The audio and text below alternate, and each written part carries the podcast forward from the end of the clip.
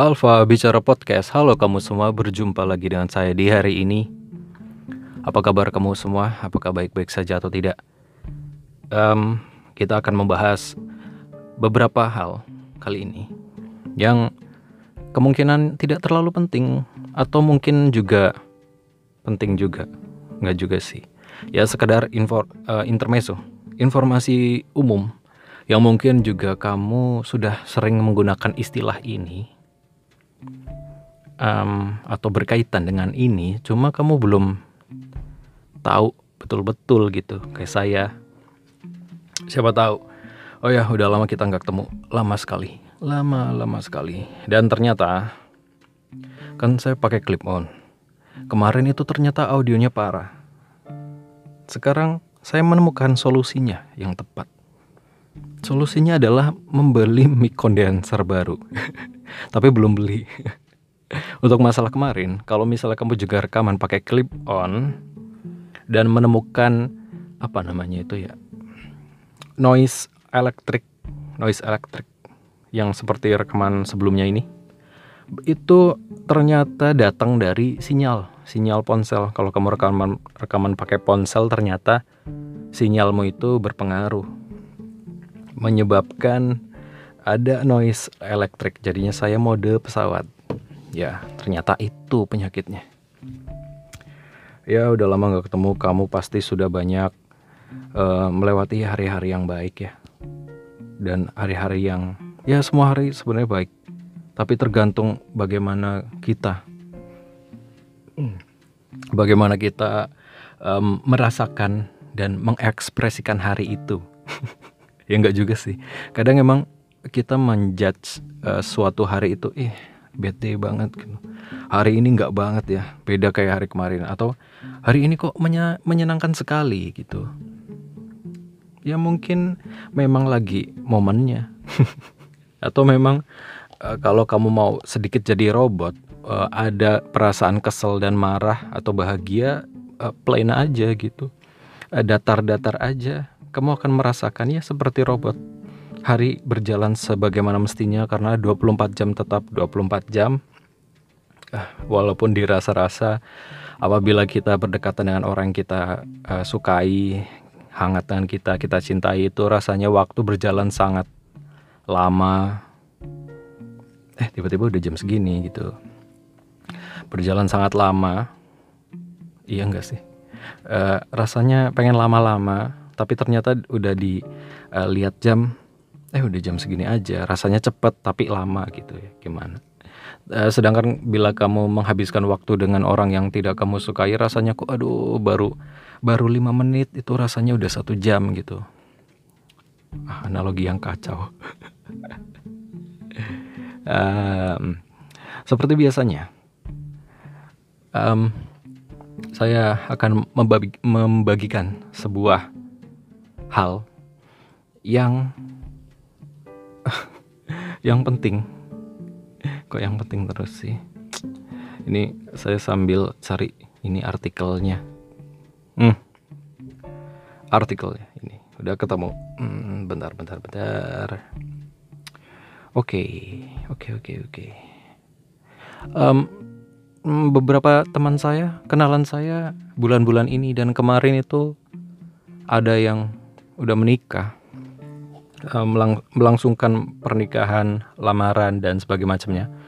Uh, seperti yang pernah saya bilang atau mungkin kamu juga sudah tahu bahwa kalau di Jawa atau di daerah lain mungkin memang ada hari baik hari yang boleh uh, digunakan untuk hajatan atau digunakan untuk keperluan yang hmm, uh, apa namanya keperluan yang penting gitu seremonial ya seperti uh, pernikahan, lamaran atau bikin rumah atau hmm, ke apa ya itu kasih nama anak atau segala macam lah gitulah gitu. Kamu pasti tahu kan?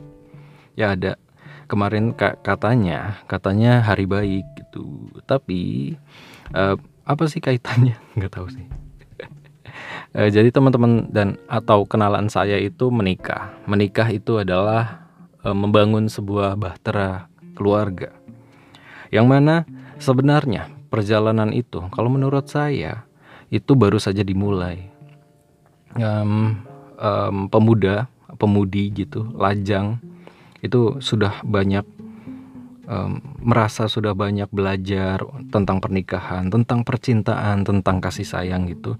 Tapi ada yang menganggap pernikahan adalah paripurna atau goalsnya gitu. Wah, puncak dari cinta itu adalah pernikahan. Tapi kalau menurut saya sebenarnya pernikahan adalah awal dari cerita. Um, mungkin ibaratnya kalau pernik uh, orang cari pacar atau pacaran itu um, uh, ikhtiar buat menemukan kapal yang tepat dan menemukan tujuan berlayar gitu. Sedangkan kalau sudah menikah berarti sudah menemukan bahtera yang tepat, sudah menemukan tujuan untuk berlayar dan si suami kepala keluarga. Istri bisa nggak ya jadi kepala keluarga?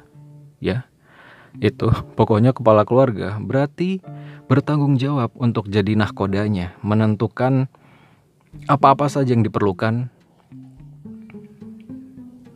apa-apa saja yang kira nggak kerekam.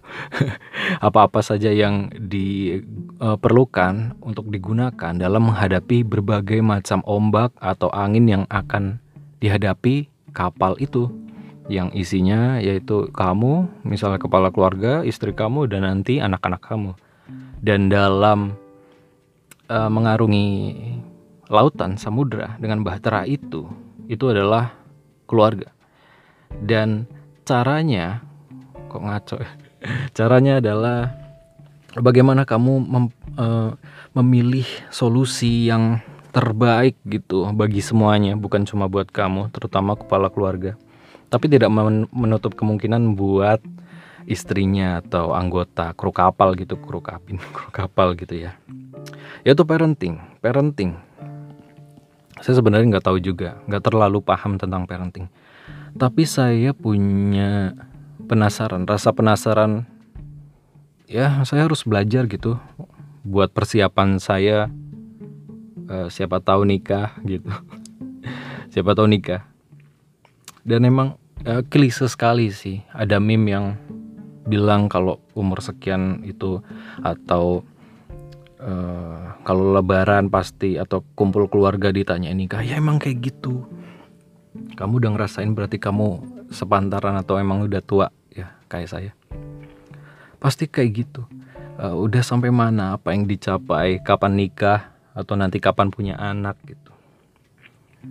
Ya untuk hmm, untuk mempersiapkan itu semua makanya saya belajar parenting dulu.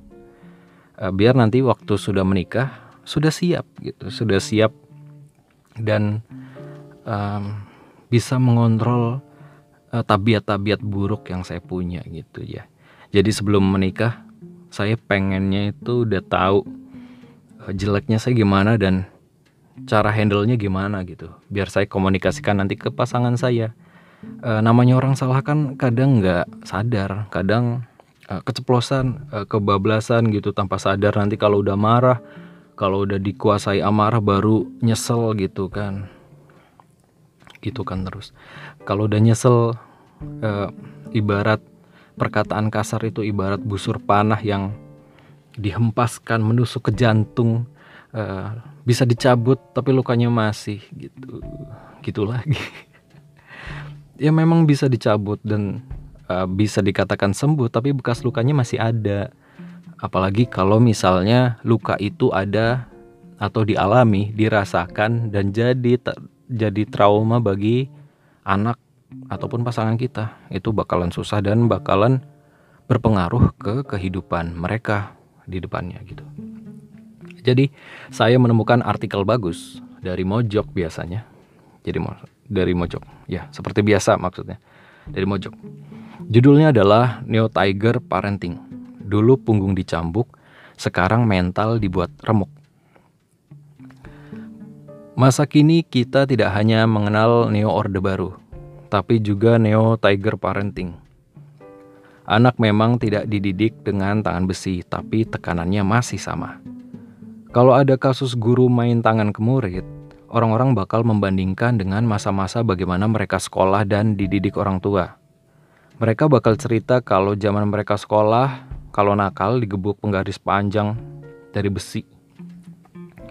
Ruyi Jingu Bang, apa tuh? Tongkat Sun Gokong. Oh, namanya Ruyi Jingu Bang ya. ada yang dilempar sandal, ada yang dipecut dengan sabuk. Ya, segala macamnya. Orang tua zaman dulu mungkin mengira mereka sedang mendidik pendekar. Setelah itu, mereka membandingkan kalau anak sekarang lembek, dikit-dikit lapor, dikit-dikit nangis, dicubit nangis, dikeplak nangis, dibentak nangis, ditinggal nikah nangis. Pokoknya lembek. Anak zaman sekarang lupa kalau semua orang punya breaking pointnya sendiri. Intinya mereka selalu mempercayai zaman dulu lebih ngeri. Mereka sepertinya luput tentang satu hal, Generasi kini sebenarnya menghadapi tekanan yang sama dengan generasi terdahulu. Mereka mungkin tidak disabet dengan tongkat ketika berbuat salah atau dididik dengan makian, tapi mereka dididik dengan siksaan yang sama. Fenomena itu dinamai tiger parenting. Tiger parenting, ya. Meski namanya tiger parenting, kita belum pernah lihat macan mendidik anaknya dengan meng dengan ngelempar sikat kumbahan ke kepalanya Tiger parenting yang ini dimaksud uh, ini maksudnya jenis pengasuhan orang tua kepada kepada anak yang mengedepankan kedisiplinan dan aturan super ketat biar anaknya meraih prestasi di bidang akademik. Dalam kamus Tiger Parenting dikenal istilah Tiger Mother yang diperkenalkan oleh Profesor Ami Yuan dalam memoir Battle Hymn of Tiger Mother. Katanya sih gaya pengasuhan ini terinspirasi dari ajaran Konfusius. Karena mengedepankan pendidikan, Tiger Parenting jadi identik dengan aturan ketat. Biar anak belajar, belajar, belajar. Budaya ini dipraktekkan sangat ketat di kalangan orang tua di Cina. Dalam adegan film Free to Play, uh, Free to Play itu contohnya ada adegan orang Cina berkata bahwa mereka hanya boleh membawa pulang piala juara satu. Soalnya kalau piala itu, piala kalau soalnya kalau selain itu, piala bakal dibuang di tempat sampah bandara. Pendidikan anak model seperti ini menekan menekan anak untuk selalu peduli dengan pendidikan dan meminta mereka mengabaikan hal lain di luar akademis.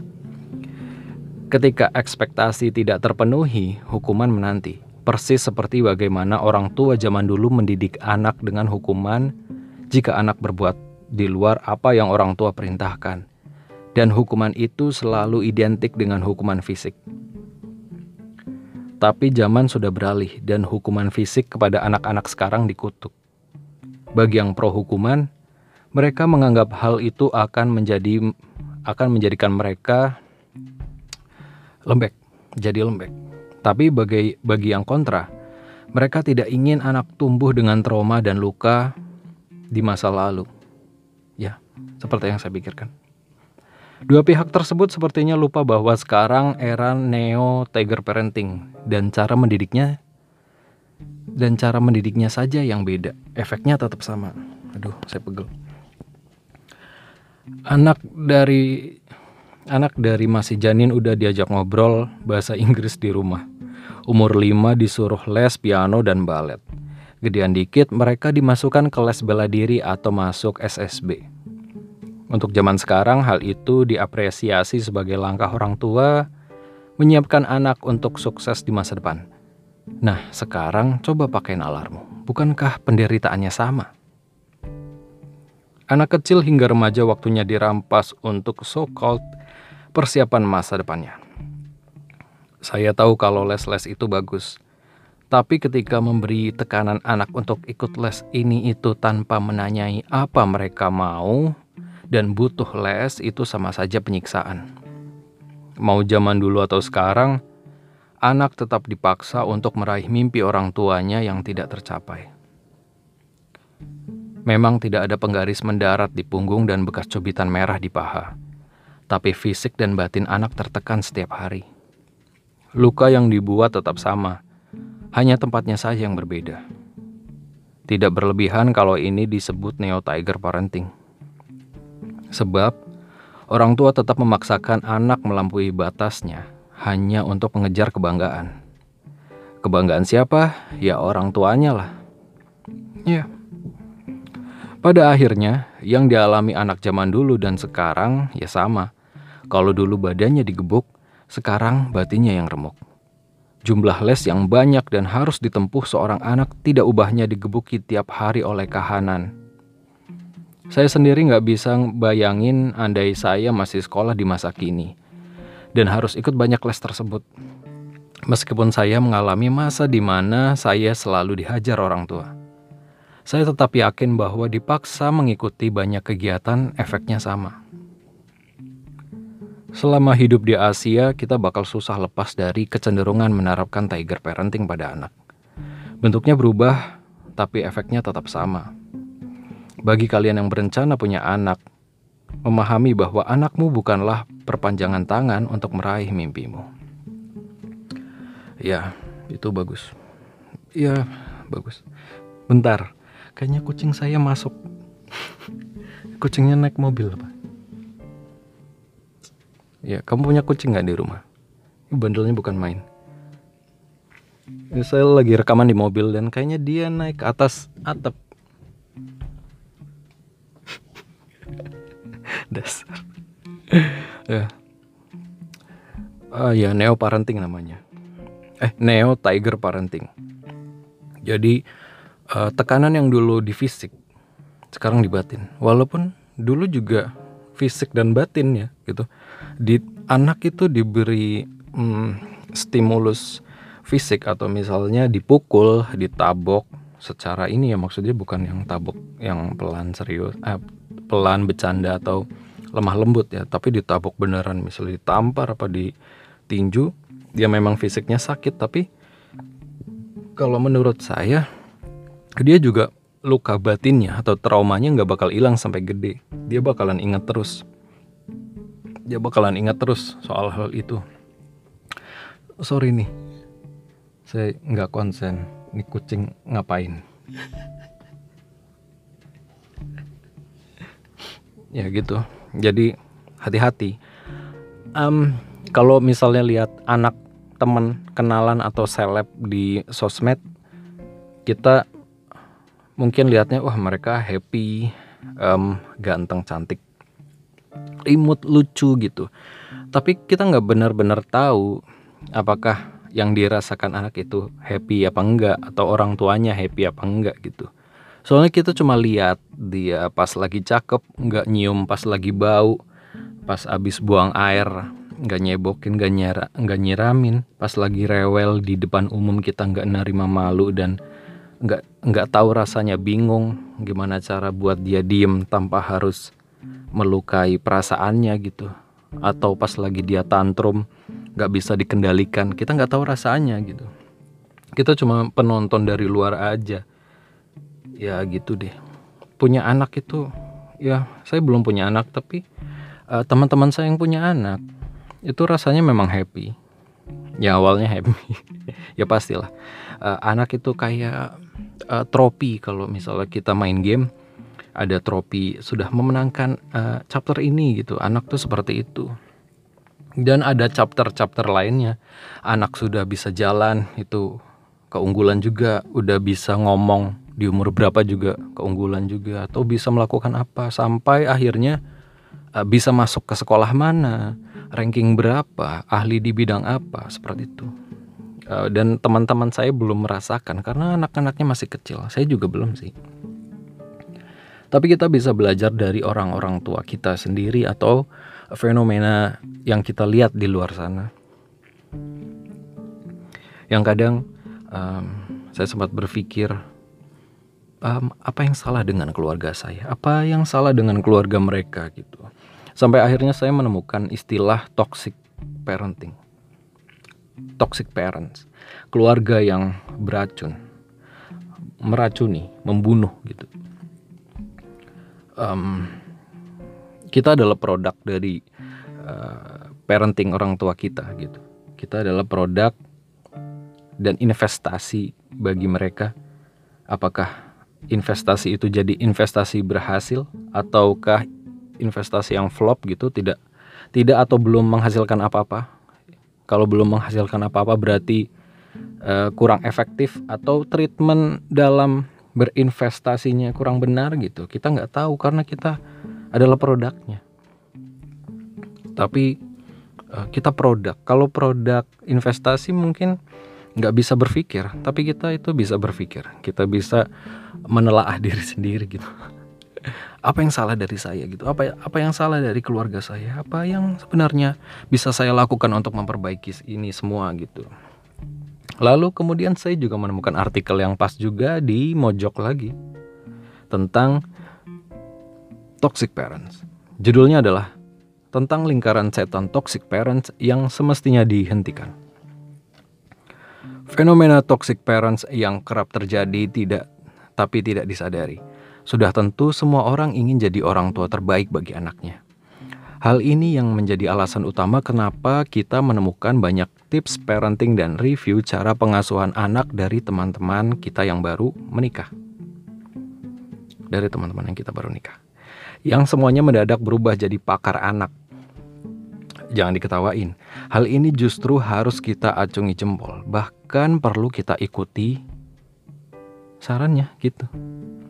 Pengaplikasian tips parentingnya ya yang harus diikuti. Bukan soal nge-share melulu nggak berhenti berhenti kan ada tuh teman yang hmm, uh, waktu pacaran sama pacarnya mulu gitu. Waktu kerja ya saya kerja di sini. Waktu punya anak anaknya mulu gitu. Ada kan? Ya nggak salah sih. Bosan aja liatnya Terkait soal peran sebagai orang tua dan ilmu parenting yang kian memanas dan populer di dunia media sosial Indonesia, Seorang netizen muncul dan menampar beberapa pembacanya saat menuliskan perihal sikap orang tua terhadap anaknya yang kerap dilakukan dan secara tidak langsung memberi dampak cukup besar dan kurang baik bagi anaknya sendiri. Tulisan ini pertama kali diunggah melalui Instagram Story oleh akun Kay Sovery.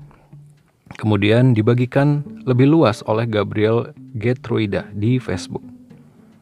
Melalui tweet ini, Gabriel mengajak calon-calon orang tua di masa depan untuk tidak meneruskan lingkaran setan toxic parents. Tapi sebenarnya apa yang dimaksud dengan toxic parents?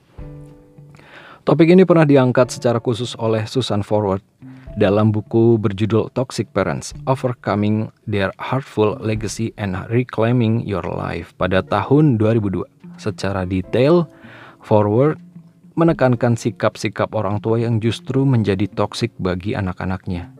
Termasuk dalam kelompok ini adalah orang tua yang menekankan hukuman fisik berlebih demi alasan kedisiplinan, melibatkan anak untuk menyelesaikan masalah pribadi, menekan psikis anak, hingga mengancam anak dan mengiming-imingi anak dengan uang.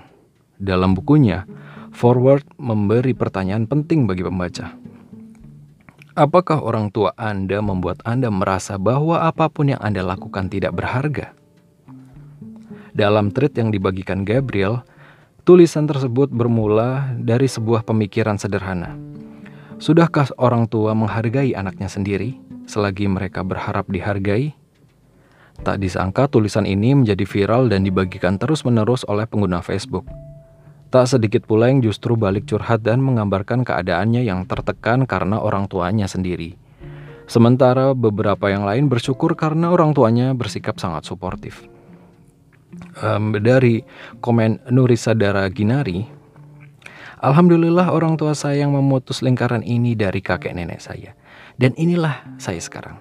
Meskipun orang tua saya tidak pernah meminta sepeser, sepeser pun dari saya, tidak, per, per, tidak pernah meminta di telepon, saya selalu berusaha ada untuk mereka. Pure karena saya sayang mereka. Sehari saya tidak telepon rasanya ada yang kurang. Saya harus sering-sering tanya butuh apa, hehehe. Jadi benar banget menurut saya, nggak perlu minta kasih sayang ke anak. Kalau Anda memang pribadi yang layak mereka sayangi. Terus ada uh, komen juga dari Dwi Widianto. Case ini agak mirip dengan saya sebagai korban berbagai bullying. Jadi suka temperamen ke anak-anak. Saya berusaha untuk memutus rantai ini. Jika belum bisa dan sudah punya anak, cepat-cepatlah peluk si anak jika sehabis memarahi sambil meminta maaf. Ya, gitulah ya, bapak-bapak. Case-nya banyak untuk soal ini. Lalu ada dari Gede Bagus Arjuniawan. Terima kasih karena telah menyadarkan saya bahwa saya tidaklah sendiri yang merasakan seperti ini. Ya, gitu. Dan lain-lain.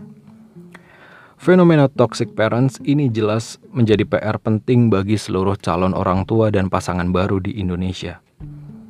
Menjadi orang tua berarti kita telah memiliki tanggung jawab lebih pada nyawa manusia lain yang sudah dipercayakan Tuhan Artinya, apa pun yang kita lakukan dalam hidup tentu akan memberi dampak tertentu bagi si buah hati. Menjadi orang tua bukan berarti kita menjadi satu-satunya pusat atensi bagi si anak. Kita perlu menghargai anak selayaknya manusia yang memiliki hak utuh. Tapi di sisi lain, jangan pernah lupakan pula betapa orang tua mesti dihormati. Jadi, calon-calon papa dan mama idola, mulai sekarang aturlah strategi parenting terbaik dengan anak-anakmu di masa depan. Gak usah mikir yang berat-berat, pikirlah yang ringan-ringan dulu. Misalnya kamu mau nikah sama siapa untuk jadi partner keluarga, hah? Ya betul, partner buat menikah itu uh, susah nyari ya. Uh, apalagi Apalagi kalau kamu emang mau membentuk generasi yang brilian. Maksudnya apalagi kalau misalnya kamu pengen dan punya trauma tersendiri tentang parenting gitu.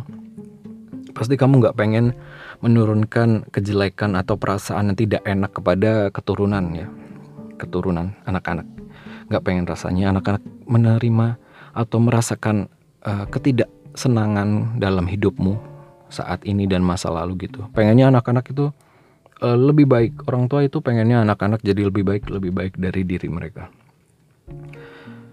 Dan memang kalau menurut saya sih ada emang kalau uh, dari sudut pandang laki-laki ada memang yang uh, enak dan pas gitu diajak pacaran tapi nggak bisa diajak nikah.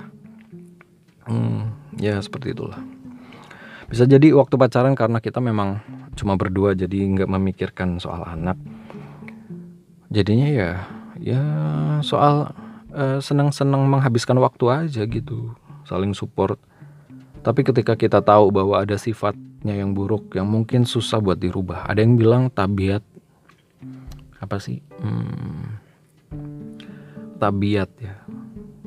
Apa sih yang itu? Yang pokoknya susah dirubah gitu ada emang habit orang yang nggak bisa dirubah. Apalagi kalau sudah uh, dipicu atau sudah tumbuh dan makin tumbuh waktu kecil sampai dewasa tidak dirubah tidak ada yang mengingatkan tidak ada uh, momen yang buat dia berubah dan sadar akan hal buruk itu bisa jadi ya emang susah buat dirubah. Misal pemarah gitu hmm, atau emosian, temperamen atau apa gitu. Biasanya seperti itu.